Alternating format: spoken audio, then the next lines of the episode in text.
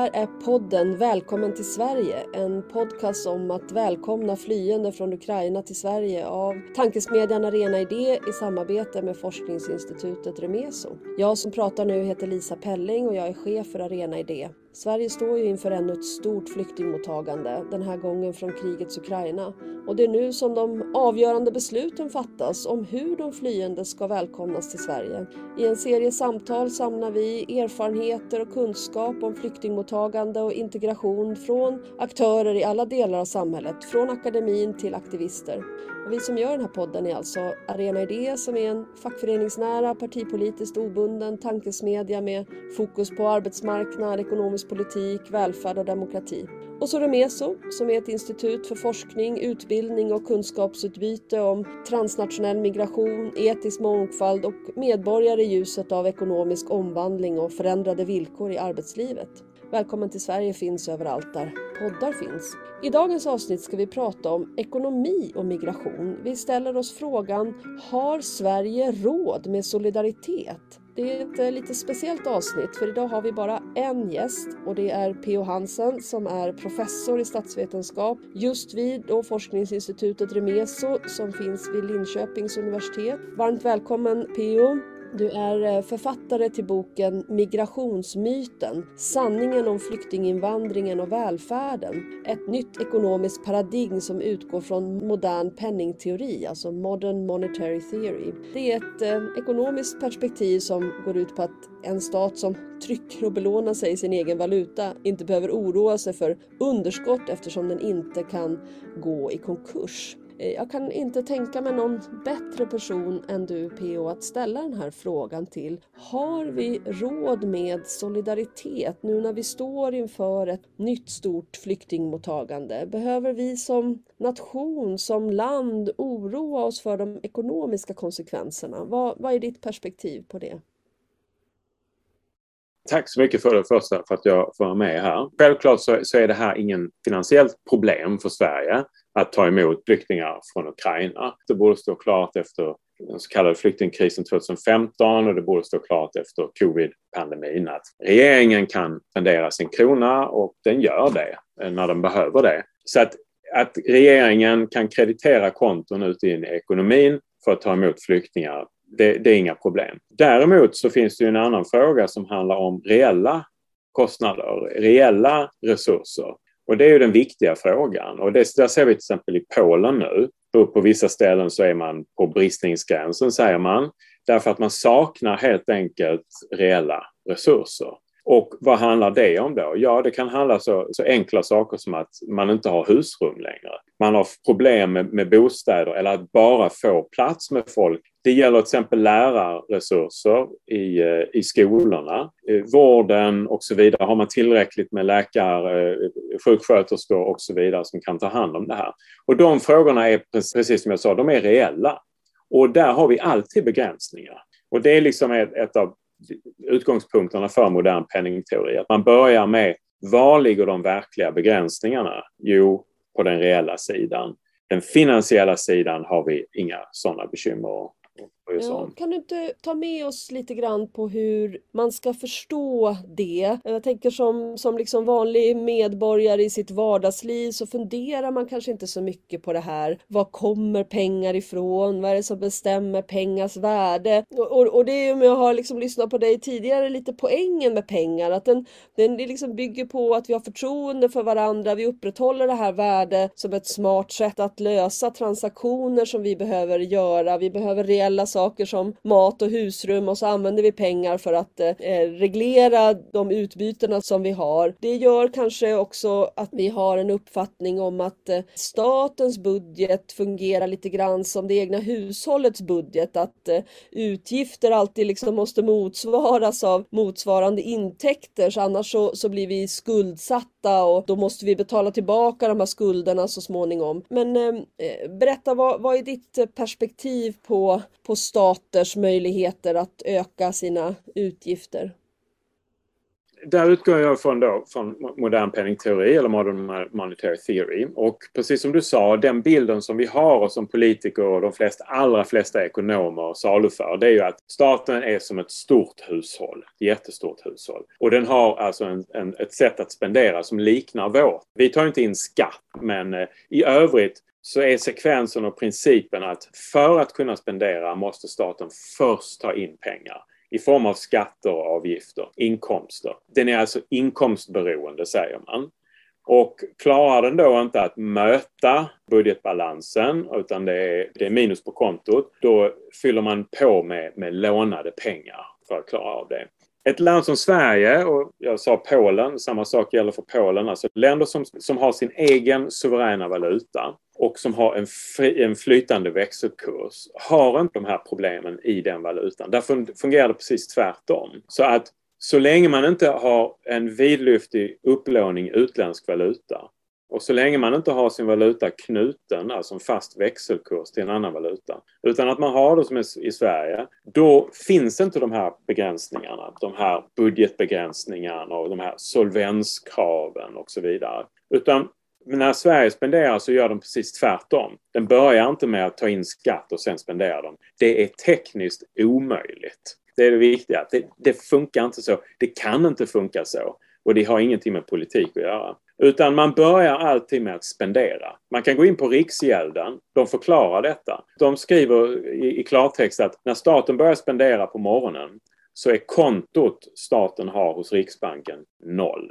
Så det finns inga pengar när staten börjar spendera i Sverige. När den till exempel betalar ut min lön för jag är statligt anställd. Utan den börjar på noll. Och därför innebär det att när staten börjar spendera så spenderar den alltid nya pengar som produceras ur intet, ex nihilo. Och sen tar man in skatt. Men det här visar ju att man använder inte de här skattepengarna för att kunna spendera. Utan skatten fyller en rad andra kritiska funktioner. Den viktigaste är naturligtvis att skatten tar bort en enorm köpkraft från den privata sektorn och från hushållen som gör att det här blir en väldigt inflationsdämpande instrument. Men sen har vi skatter då för en rad andra anledningar som till exempel att bestraffa smutsig industri, vi pratar om skatteväxlingar, vi har skatt på tobak och alkohol och massa olika skatter. Men vi har inte de här skatterna för att ta in pengar för att kunna spendera. Så att det är liksom det viktiga att, att med sig. Men det här är väldigt få som vet.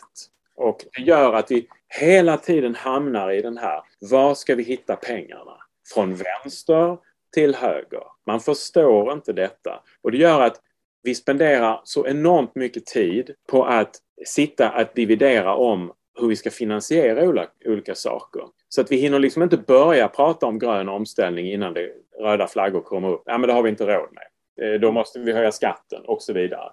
Och därför menar jag att covid är ju det bästa pedagogiska exemplet vi har haft i modern tid på att förstå hur det här funkar. Därför att under covid så bröts alla de här tabuna och det gäller även i eurozonen. Man började helt enkelt att inför öppen ridå kan man säga, att visa hur vi gör när vi spenderar. Men likväl så går inte budskapet fram därför politikerna de är väldigt måna om att det här inte ska komma ut och många gånger de fattar inte det här själv. Så att då hamnar man i att nu är vi tillbaks igen och det spelar ingen roll vilken fråga vi pratar om så är det hur ska vi få in pengarna? Och då kan jag, jag kan ju säga det här med lån också för det är en annan komplicerad fråga som också folk går bet på. När Sverige då lånar i kronor. Jag tror 80 procent av svenska upplåningen är i svenska kronor. Statsobligationer och så vidare. Då kan man bara stanna upp och säga, men vänta lite om nu staten, alltså Finansdepartementet och Riksbanken som är en kombo. Om det är de som har monopol på att ge ut den svenska kronan. Does it make sense att de då behöver låna sin egen krona? Nej, det gör det ju inte. Staten i Sverige kan inte låna sina egna pengar. Det går till så att vi tror att bankerna lånar ut pengar till staten. Och i gengäld så får bankerna då statsobligationer som de får ränta på. Men om vi ställer frågan, vad är det bankerna betalar in till staten för att få de här statsobligationerna? Jo, det är någonting som heter bankreserver. Och bankreserver, det är det man, man handlar statsobligationer i då. Men bankreserver kan bara produceras på ett ställe och det är hos staten. Så det innebär att för att bankerna ska kunna låna ut pengar till staten måste staten först förse bankerna med bankreserver. Så det innebär att det är inget riktigt lån. Det är inte lån i den meningen som när hushåll går och lånar i banken. Eh, så det är väldigt viktigt att komma ihåg och det innebär liksom att Riksbanken sätter räntan och den kan sätta räntan var den vill. Sätter den på noll så styr man också räntorna Eh, långt fram i tiden. Man styr alltså långa statsskuldsräntor. Och då har Riksbanken kontroll på det här. Och det har vi också sett i eurozonen och vi ser det i massa länder där man har fört den här politiken och man kan göra det här och man kan göra det hur länge man vill. Så att det är liksom, det, det är väldigt viktigt och framförallt då för eurozonen som vi såg att helt plötsligt så kom covid. Grekland har en statsskuld nu på 200 procent där man skulle göra statsbankrutt och det var full kris när pengarna var slut så hade man tror jag 130 procent eller 140 procent. Så frågan uppstår varför tog pengarna i Grekland inte slut den här gången? Jo, av den enkla anledningen att alltså, Europeiska centralbanken sa vi kommer köpa upp all statsskuld på sekundärmarknaden och det lugnade alla marknader och det innebar att länderna har kunnat spendera helt fritt. Då har vi sett att skulderna har ökat, underskotten har ökat dramatiskt, men inga problem ska se om jag kan liksom eh, förstått rätt med skillnaden mellan liksom finansiella restriktioner och reella restriktioner. Om du sa att eh, coronapandemin har liksom visat att eh, det här stämmer, att om man inte vill ge sig själv några finansiella restriktioner så måste man inte göra det heller. När eh, människor i Sverige inte kunde få lön från sina vanliga arbetsgivare, från sina företag, då kunde staten gå in och subventionera lönerna och tillåta att man var korttidspermitterad med ganska kraftig statlig subvention, eller hur? Då fanns det liksom inga restriktioner på det. När det kommer till eh, kostnader för flyktingmottagande. Du nämner eh, husrum som en reell liksom, kostnad och som en reell begränsning. Om det är så att eh, vi behöver köpa in husrum åt människor som kommer till Sverige. Vi behöver hyra människors eh, friggebodar, nedlagda vandrarhem, hotell som råkar stå eh, tomma, campingstugor. Då har staten, säger du eh, PO, inte egentligen någon finansiell restriktion för att göra det. Det uppkommer en restriktion först när vi liksom inte har några hus att hyra längre, när det inte går att liksom få tag på ens för pengar. Precis så funkar det. Och vi ser ju det här dagligdags. Va? Man säger att vi har hållit på att satsa jättemycket på försvaret till exempel nu de senaste åren.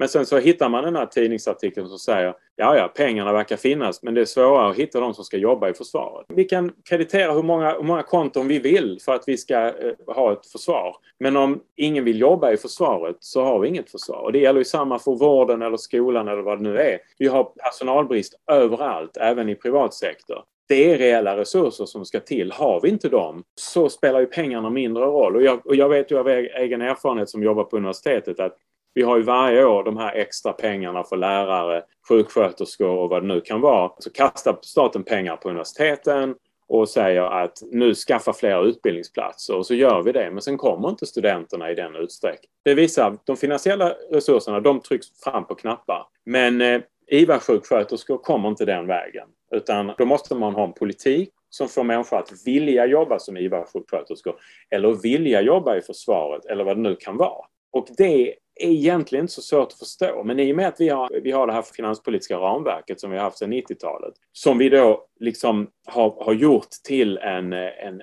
ja, nästan något religiöst som vi varje år måste uppfylla och som varje finansminister ser som sitt kall. Då är det inte så konstigt att vi får den här debatten hela tiden. Och så upprättar man en massa myndigheter som ska hålla koll på att, att överskotten, överskottsmålet fullföljs. Ja, då är det inte så konstigt att vi får den diskussionen hela tiden. Så fort någon fråga kommer på bordet så säger vi hur ska vi betala för det? Har vi råd? Och det är, det är tyvärr, det, det, vi har haft det i 30 år och vi ser konsekvenserna nu. Och återigen, covid visade, det var öppen ridå. Vi hade skurit och skurit och skurit och skurit och Magdalena Andersson sa att det hade gett pengar i ladorna. Men det hade det ju inte för vi hade inga IVA-sjuksköterskor i några lador. Och det var de som vi behövde. Eller vem det nu alla, alla möjliga andra personalkategorier. Det måste in i den politiska debatten.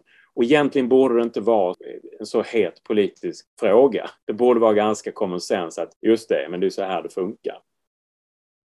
Mm. Men när du eh, tar dig an den här frågan då, som liksom ändå ställs nu i debatten, har vi verkligen råd att vara solidariska mot de ukrainska flyktingarna? Så är det ju det vi ser i Sveriges respons till den här flyktingsituationen är ju att till skillnad till exempel från några nordiska grannländer så bjuder vi liksom verkligen in med armbågen den här gången. Till exempel så har eh, ju svenska politiker vägrat att höja dagsersättningen istället för att eh, ge en, en ersättning till asylsökande och de ukrainare som kommer inom ramen för massflyktsdirektivet de kommer ju betraktas ju så att säga som asylsökande och har samma villkor som dem. Det betyder att de inte har rätt till SFI men att man har rätt att bo på Migrationsverkets anläggningsboende men också då att man har som sin så att säga huvudsakliga försörjning innan man har kunnat börja jobba en dagsersättning som inte har höjts sedan 1994. Det där liksom en ersättning per dag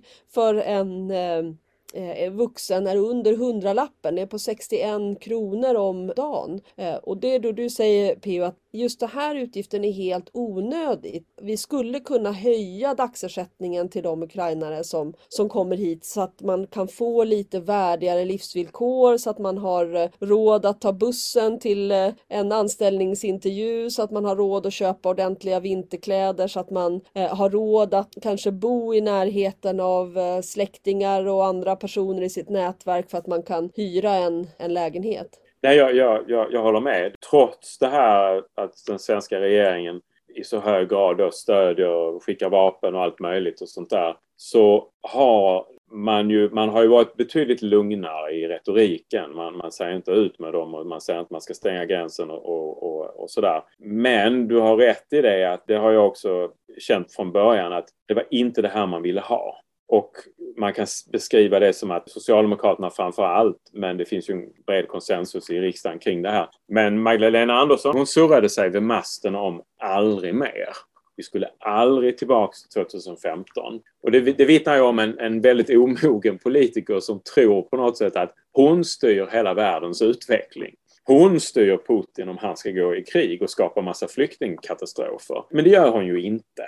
Så helt plötsligt så stod vi där och det här hände. Och det var ungefär det, det sista som regeringen då ville. Och därför tror jag att man hade det sättet man, det har ju Migrationsverket eh, liksom vittnat om att man skar ner så häftigt på resurserna, på de reella resurserna i systemet. Så att det svenska asylsystemet är väldigt, är inte robust på samma sätt som det var. Och då har man gjort det och det är ju liksom samma, alltså samma läxa som vi aldrig lär oss. Att vi måste ha luft i systemen, vi måste ha beredskap för en massa olika saker. Om det är för pandemier eller flyktingkatastrofer eller vad det nu är. Men den här budgetpolitiken som vi har tillåter inte det. Och därför var ingen gladare än Magdalena Andersson att kunna se det här. Turkietavtalet gjorde att flyktingarna slutade komma. Om vi har historiskt låga asyltal i Sverige ja, då tar man första chans att slakta organisationen som vi hade byggt upp 2015. Och då förstår jag också att regeringen är, är, inte glada för att ta emot eh, många ukrainska flyktingar. För man ser ju också att det här är inte bara en finansiell fråga utan man ser ju att det behövs anställas en massa folk. Det behövs reella resurser. Hur ska folk bo och så vidare. SFI, man, man klarar inte det här helt enkelt. Så att, ehm, Precis, så det är en, en, en, sparkurs som så att säga gör att mottagandet blir krångligare och mera kostsamt nu. Migrationsverket har inte den, de anläggningar som man hade behövt eh, ha. Eh, de som kommer får en ersättning som gör att man eh, kanske tvingas acceptera jobb som är farliga, att man exploateras på arbetsmarknaden, bidrar till den svarta ekonomin men även sexuell exploatering förekommer ju har vi förstått att människor i ren desperation hamnar i sådana situationer eftersom man helt enkelt inte kan, kan leva och överleva på den ersättning som man får här som ukrainsk eh, flykting. Jag vill, vill ta upp två saker med dig eh, P. Och Det, det första är detta med eh, den svenska statsskulden. Du nämnde Grekland och en statsskuld på över 200 procent. I Sverige så ligger statsskulden på ungefär 30 procent nu. Eh, snittet i EU kring 60 procent. Med ditt perspektiv och dina resonemang så är det här egentligen helt onödigt. Vi skulle utan vidare kunna ha en statsskuld åtminstone i nivå med andra EU-länder. Vi skulle lätt kunna gå upp till det och frigöra ett antal miljarder för att Eh, bekosta mottagandet av, av flyktingar från, från Ukraina. Är det så? Nej, alltså man måste se på statsskulden på helt annorlunda sätt. Alltså statsskulden är ingen skuld i den meningen som du och jag kan ha skulder. Statsskulden behöver inte betalas av, till exempel i, i svenska kronor. Har man stor, upp, eh, som jag sa, utlandsupplåning, de pengarna måste man betala tillbaks. Och där är ju frågan, alltså när man ska betala tillbaks pengar som man inte själv gör, som dollar eller euro i Sverige, ja, de måste man ju på något sätt få in för att kunna betala. Men när det gäller den svenska kronskulden som är den, den huvudsakliga skulden vi har så är inte det en skuld i, i den bemärkelsen. Utan man ska snarare se det som att istället för att säga vad är den svenska statsskulden? Det är ingen skuld utan det är egentligen bara ett annat sätt att uttrycka för att det finns lika mycket finansiella tillgångar någon annanstans i ekonomin. Så att det är så man ska se på skulden. Om man tar Japan till exempel som har världens eh, högsta statsskuld i, eh, i varje fall i OECD på, jag tror den ligger på 240-250 procent.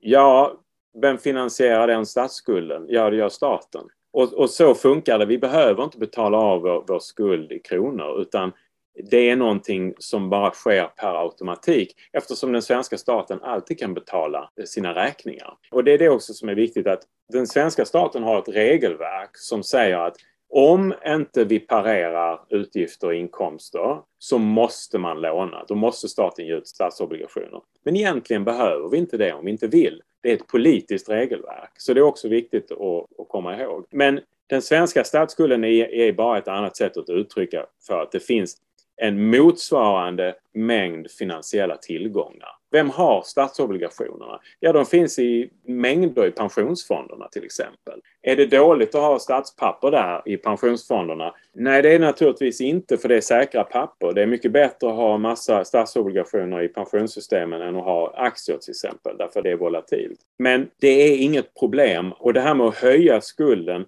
det är bara att säga att det finns mer finansiella tillgångar i den övriga ekonomin utanför staten. Så det är inte så vi ska, vi ska se det. Och sen är det ju det här med att staten och regeringen, de tror att de verkligen kan så att säga träffa ett budgetmål. Jag tänker på Vänsterpartiet som nu vill ha ett underskottsmål på minus 1% Men det kan inte regeringen möta. Regeringen kan inte veta vad saldot är, utan budgetsaldot hos en stat är alltid ex post. Det innebär att det är bara någonting vi vet vad det är efteråt. Så det här med att man säger att staten underskottsfinansierar eller överskottsfinansierar, det, det är bara humbug. Det, det, det funkar inte så. Varför? Jo, av den enkla anledningen att staten är ju bara en aktör i ekonomin. Och om staten är bara en aktör så måste vi titta på men hur beter sig den privata sektorn och hushållen och hur beter sig den utländska sektorn? Och det är de tre sektorerna vi har. Och därför innebär det att den svenska staten till exempel under flyktingkrisen 15 och 16 sa, och det gjorde all ekonomisk expertis, eh, eh, Konjunkturinstitutet, Ekonomistyrningsverket och så vidare. De sa att detta kommer ge underskott för att staten spenderar så mycket på flyktingar. Men sen blev det överskott. Varför blev det det? Ja, precis av den anledningen att det här satte ju väldigt sprätt på tillväxten i ekonomin företag, hushåll och så vidare fick mer inkomster och tillväxten ökade, sysselsättningen ökade. Och helt plötsligt så blev det så mycket skatteintäkter hos staten så att det blev överskott. Men Magdalena Andersson och alla de ekonomiska experterna, de var bergsäkra på att det skulle bli underskott. Och det är just att de förstår inte att det här är någonting som de inte kan styra över. När, när Vänsterpartiet gick ut och sa att de ska ha ett underskottsmål istället och så säger de för att vi ska spendera 700 miljarder på klimatet. Men vänta lite, om ni ska spendera så mycket på klimatet, då tror jag faktiskt att det kan bli överskott. För det här kommer ge en enorm tillväxt, en enorm stimulans. Så att lägg av med det där snacket om minus eller plus, utan tänk istället på vad är det för politik ni vill bedriva? Ja, om vi vill satsa på klimatet så gör vi det. Men var är begränsningen? I de reella resurserna. Hur många vindmöllor kan vi bygga? Hur mycket solpaneler kan produceras? Hur mycket ingenjörer, hur mycket människor har vi som kan göra det här? Det är begränsningen, inte hur mycket pengar vi kan kreditera. Det är inte bara det att den svenska staten säger vi har inte råd med solidaritet. Vi kan inte ge de ukrainska flyktingarna tillgång till SFI. Vi kan inte till, ge dem tillgång till en vettig dagsersättning. Vi kan inte göra en kraftfull investering till exempel i att utöka möjligheten att komplettera yrkesutbildningar. Vi har ingenting sånt om liksom nu ska vi liksom investera i de här eh, fantastiska generationen av ukrainare som kommer till Sverige och kan berika vårt land ibland för några få år eller för, för resten av, av sina liv. Utan vi säger dessutom att för att ha råd med det här flyktingmottagandet så måste vi skära ner på ett annat uttryck för den svenska solidariteten, nämligen det svenska biståndet. Och det är den här mekanismen som man använde under flyktingsituationen 2015 där man så att säga tog pengar i budgeten. Jag vet att du kommer protestera nu PO, men det är så här det, så här det beskrivs. Man tog pengar från biståndsbudgeten för att lägga lägga den på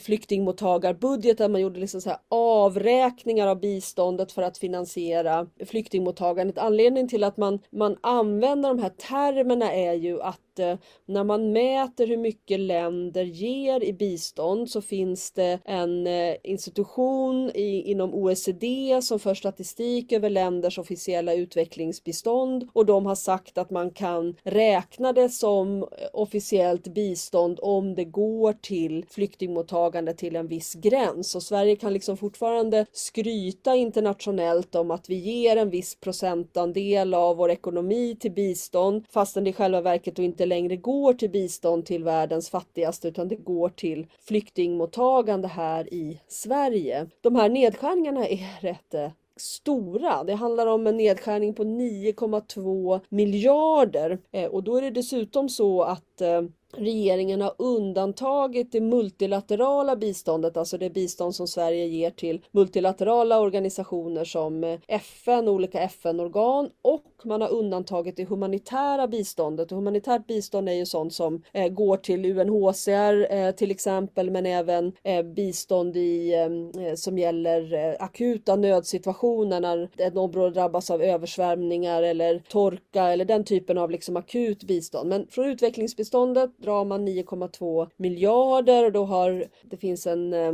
samlingsorganisation för svenska biståndsorganisationer som heter Concord. De har räknat ut att det handlar om en neddragning på 38 procent i år av de anslag som svenska organisationer som Palmecentret, Union to Union, Diakonia, Rädda Barnen och då har ju nästan halva året redan gått. Så det är verkligen en drakoniska nedskärningar. Vad ska vi säga om det PO? Eh, har vi inte råd med solidaritet? Måste vi göra de här avskrivningarna som det heter? Men egentligen är det ju nedskärningar på biståndet.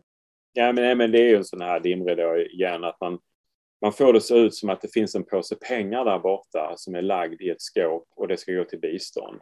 Och oj, oj, oj, nu kommer det flyktingar så nu, oj, vi måste hitta någonstans och ta pengar för att ge till ukrainska flyktingar och flyktingmottagandet ja men då får vi ta nalla i den påsen och lägga i den här nya påsen som vi inte visste skulle komma. Och det är naturligtvis rent strunt. Alla pengar som spenderas på ukrainska flyktingar är nya pengar som, som staten gör när den spenderar. Det kan vi inte göra någonting åt.